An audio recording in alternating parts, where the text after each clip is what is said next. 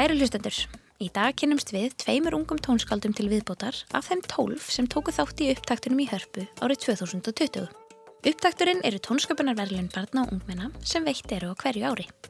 Þar fá krakkar á aldrinum 10-15 ára tækifæri til að vinna tónlistina sína með atvinnu tónlistarfólki, tónskáldum og útsetjurum og heyra hana svo flutta við bestu mögulegu aðstæður í fullbúnum tónleikasal.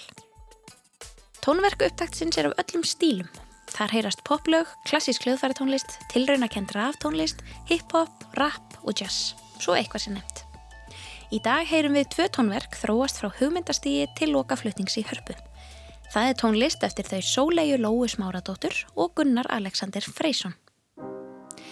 Hér undir hljómar demóið eða rá upptakan af verkinu November eftir Sólegu Lóu 13 ára.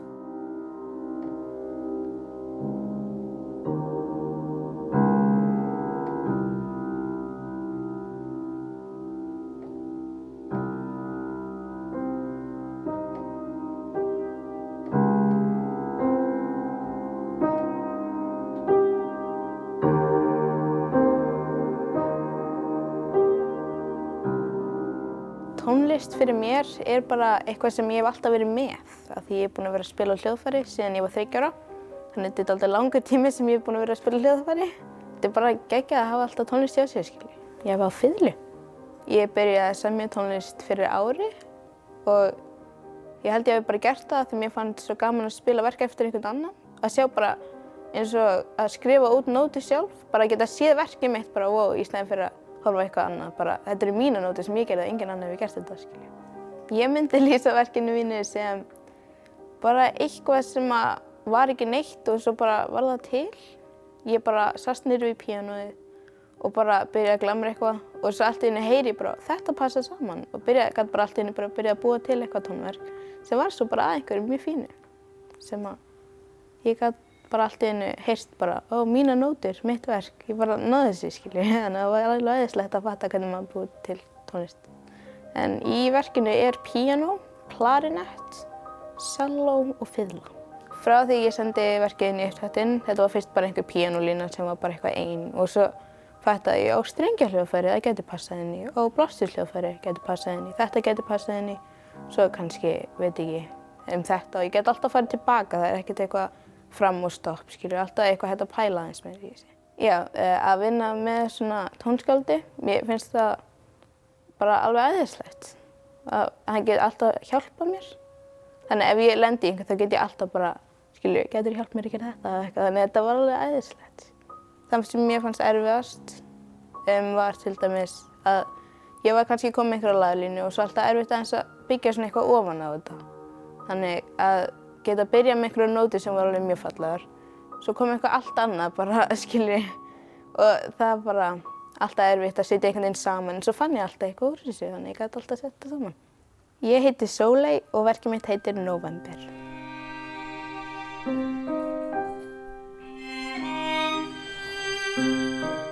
Á fyrstu æfingu með hljómsveit upptaktsins fá ungu tónskaldin tækifær til að heyra nýja útsetningu á verkinu sínu í fyrsta sinn. Þau vinna hana sjálf í samstarfi við tónsmíðanemendur úr Listaháskóla Íslands. Lítum inn á æfingu á verkinu November. Ég held að við ætlum ekki að saman með þetta. Ég veit ekki, kannski bara þeir eru að byrja saman. Að byrja svona, eða skilju, þetta var mjög mikið svona eitt og eitt að byrja saman, svona aðeins meira, svona tengja aðeins meira saman. Já. Þegar við erum svona að hægja á að fara, var það nóg? Eða var það mjög Nei, þetta var bara mjög fínt. Bara tónum tónum bara. Já, en píanóið, píanóið má nota pedalinn aðeins.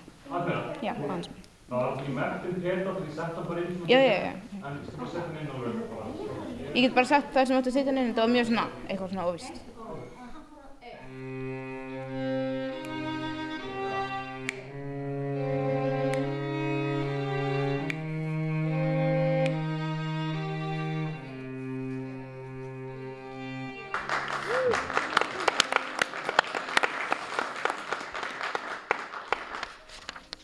Þetta er ekkert einfalt. Takk 26 á píanóið, þá má vera bara svaklega pedal. Þetta er við. Já, í Ég er 26. bara með pétan eiginlega í öllu bara núna. Já, já. Það hljómaði alltaf öðruvísi, sko, með pedalinn. Ég held að við ætlum ekki að saman. Jæja, Sólei, þá er æfingunni lokið á verkinu þínu. Getur þú lístin aðeins fyrir okkur? Hvað gerðist á æfingunni? Um, það var spilað í gegnum verkið sem að ég hafði samið. Þetta gekk bara alveg svakalega vel. Bara nokkra svona leðrættingar og bara smalt saman. Var þetta í fyrsta skipti sem þú heyrði verkið þitt svona full klárað? Já, þetta var í fyrsta sinn. Mjög spennandi að heyra svona. Þetta var bara adrenalin, sko, bara, ú, bara alveg aðeinslegt. Þú ertu búin að vera að æfa lengi á hljóðfærið, það heyrist þegar þú ert að tala við hljóðfærileikarana. Hvað svona fannst þér helst þurfa að bæta fyrir loka flutningin í, í tónlistinni? Um, ég veit ekki, þetta var mjög flott hjá þeim, þetta var bara eitthvað aðeins mýgra þetta og aðeins þetta hérna, að ég er alveg svakalega halstjóri. að því að ég er nú búin að vera að æfa á fylgu í tíu ár sem er alveg frekar langu tími og ég er svona, það er alveg mikið nota einhver svona ítalsk og eitthvað. En það, það virkaði, greinilega. Einhverja svona loka pælingar áður en að þetta verði flutt? bara gangi öllum vel, sko, bara, hú. Eftir tilfæslur og lagfæringar er tónlistin klár til flutnings. Tónleikar upptaktsins árið 2020 fóru fram í Norðurljósasal Hörpu fyrir fullum áhærendasal og í beinu streymi á VF Ungrúf. Hljómsveit upptaktsins er skipuð atvinnufólki úr ólíkum tónlistastílum, bæði hljóðfæraleikarar úr Sinfoni hljómsveit Íslands sem og þekktu poptónlistarfólki og rockurum. Við heyrum meðlemi úr hljómsveit upptaktsins flytja verkið November eftir Sólegu Lóu Smáradóttur. Hljómsveitina skipa þau Geirþrúður Ása Guðjónsdóttir á fiðlu, Hjalti Nordal á fiðlu, Herdís Anna Jónsdóttir á víólu, Bryndís Björgunsdóttir á selló, Gunnlaugur Torfi Stefánsson á bassa, Grímur Helgason á klarinett, Jóhann Ingi Bendiktsson á gítar, Kristján Rannar Pálsson á piano og Sigurður Ingi Einarsson á slagverk.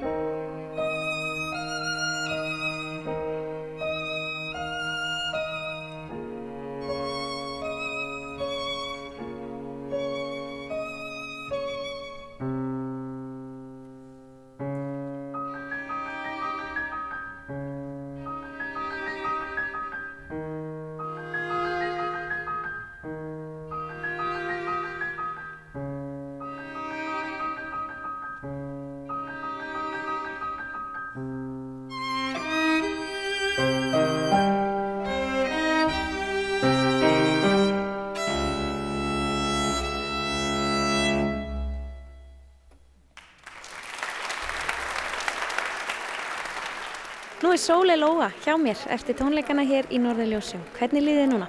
Þetta, þetta var æðislegt sko, ég bara, þetta er magnað, ég veit ekki hvað ég að segja, engin orð. Þetta er bara, wow. Bara eftir alla þessa vinnu að geta bara að semja þetta verk og svo færðu það loka bara komið þá bara, þetta er æðislegt að heyra þetta sko. Bara alveg búið og allir geta bara að spila þetta æðislega. Ég sé þú ert með hópa vinkonum með þér. Hvernig voru viðbröð vina og fjölskyldum meðlema eftir tónleikana? Og þau eru, þau eru mjög stolt sko. allir mjög gladir held ég bara. Hvað tekur núna við hjá þér í tónlistinni? Bara æfa sig bara. Ég er, ég er alltaf á fylgni sko. Bara það er kannski að semja eitthvað annað verk og bara lifa lífinu vel sko. Það eru flott loka orð til hamingi með verkið til í dag og við hlökkum til að heyra meira frá þér. Takk fyrir.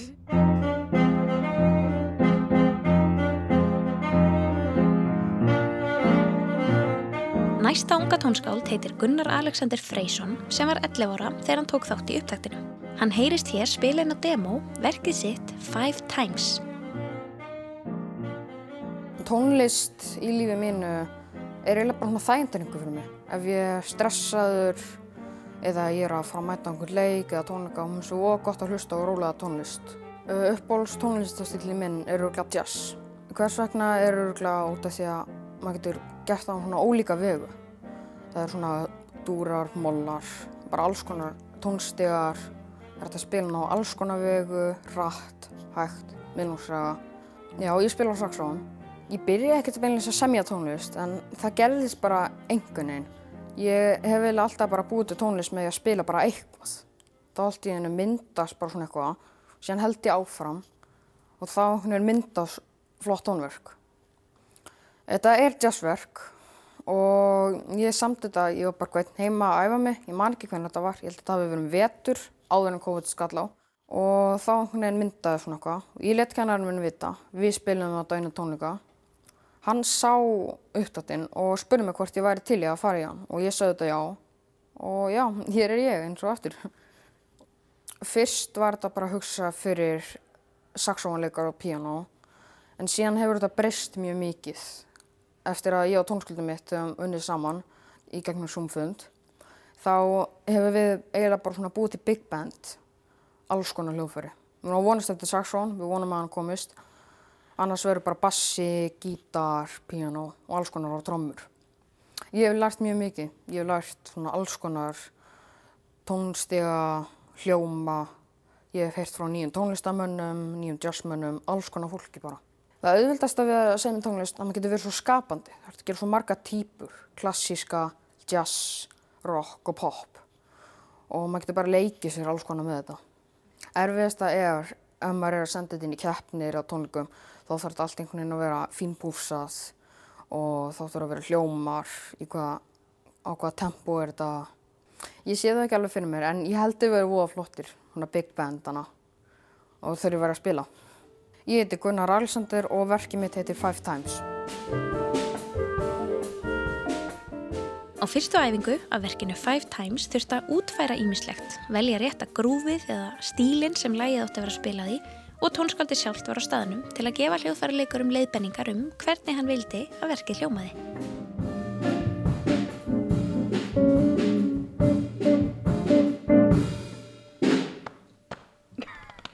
Gert. Það mætti spila aðeins hraðar og síðan glæðanlega leikarinn hvað heitir þau? Grímur. Grímur, þú mútti alveg skipta svona meira eins og í B-kaplanum þegar þú ferð hana niður í B-ið máttu endilega alveg nefnilega fara aðeins meira ofar um áttundana í staðis í lokin í endadamina þú endilega mm. hafa þetta í herri tóntönd svona það smelli meira saman þegar þú kemur hana í lokin í skiptingunni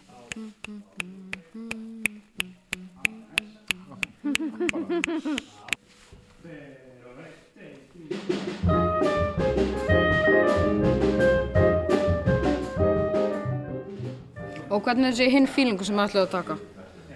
Í staðan fyrir enna latin já, swing. Ég held að swing sé, hvernig hljóma það?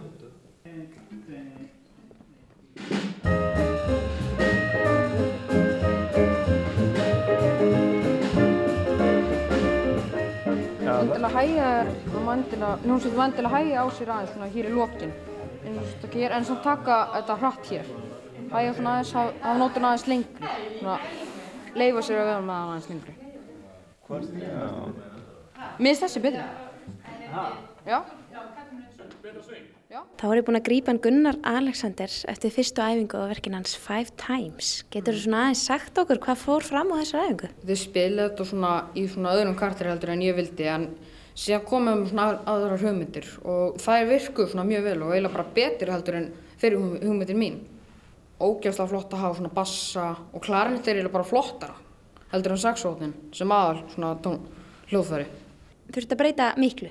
Eiginlega ekki, það varstu bara einhver lengi, einhver einanótu, spila dans ræðar, síðan var þetta eiginlega bara komið, breyta um stýr. Er þetta fyrsta skiptið sem að heyrir einhvern spila verk eftir þig?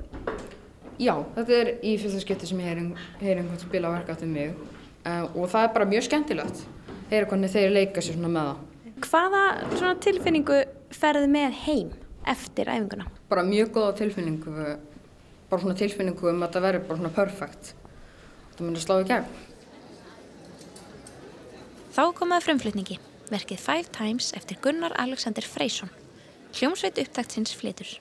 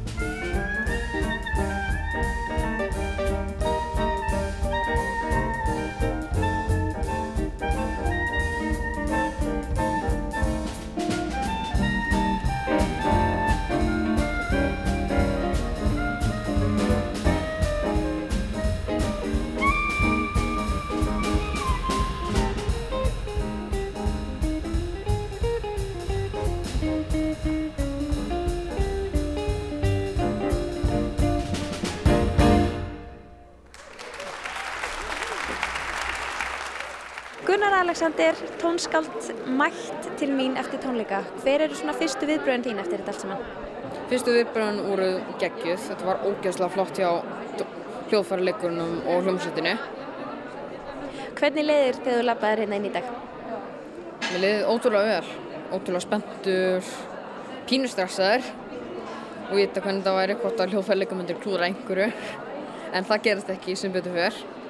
Hvað tekur núna við hjá þér í tónlistinni? Núna tekum við bara næsta ár og kannski held ég áfram í uppstáttunum, maður veit aldrei. Erstu komið hugmyndir að næstu tónverkum? Nei, ég er ekki komið hugmyndir næsta tónverki en hún kemur vonandi. Við hlökkum allavega til að heyra hana til hamingi með verkið þetta í dag. Takk.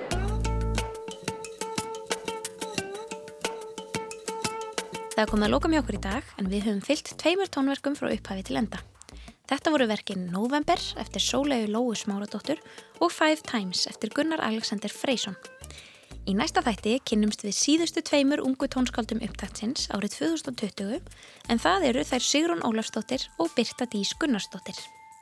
Ég heiti Ingibjörg Fríða og mun fylgja okkur áfram í næsta og jafnframt síðasta þætti um upptaktin Tónsköpunarverlun barna og ungmenna árið 2020. Fyrir áhugasum tónskáld má finna allar upplýsingar um næsta upptakt á heimasíðu hörpu en umsóknarfrestur er til 21. februar. Við hvetjum alla til að senda inn sína tónlist. Þanga til næst, takk fyrir að hlusta. Ef þú vilt byrja að semja einhverju tónlist, þá myndi ég mæla með því að sitjast bara við borð og bara byrja að hugsa um þetta. Af því að kannski er ekki gott að byrja að hugsa um eitthvað og svo viku setna bara, ó, eitthvað nýtt, skilju. Alltaf, alltaf vera með eitthvað svona smá í hausni sem þú getur alltaf haldið eitthvað svona í þetta. Fyrir krakkar sem vilja byrja að semja tónlist, kannski bara ef þið æfa hljóðfæri, taka það það upp. Ef ekki, þá er gott bara að byrja á píanói og spila bara eitthvað og vonast til þess að eitthvað gerist og bara halda áfram, prófa sér áfram.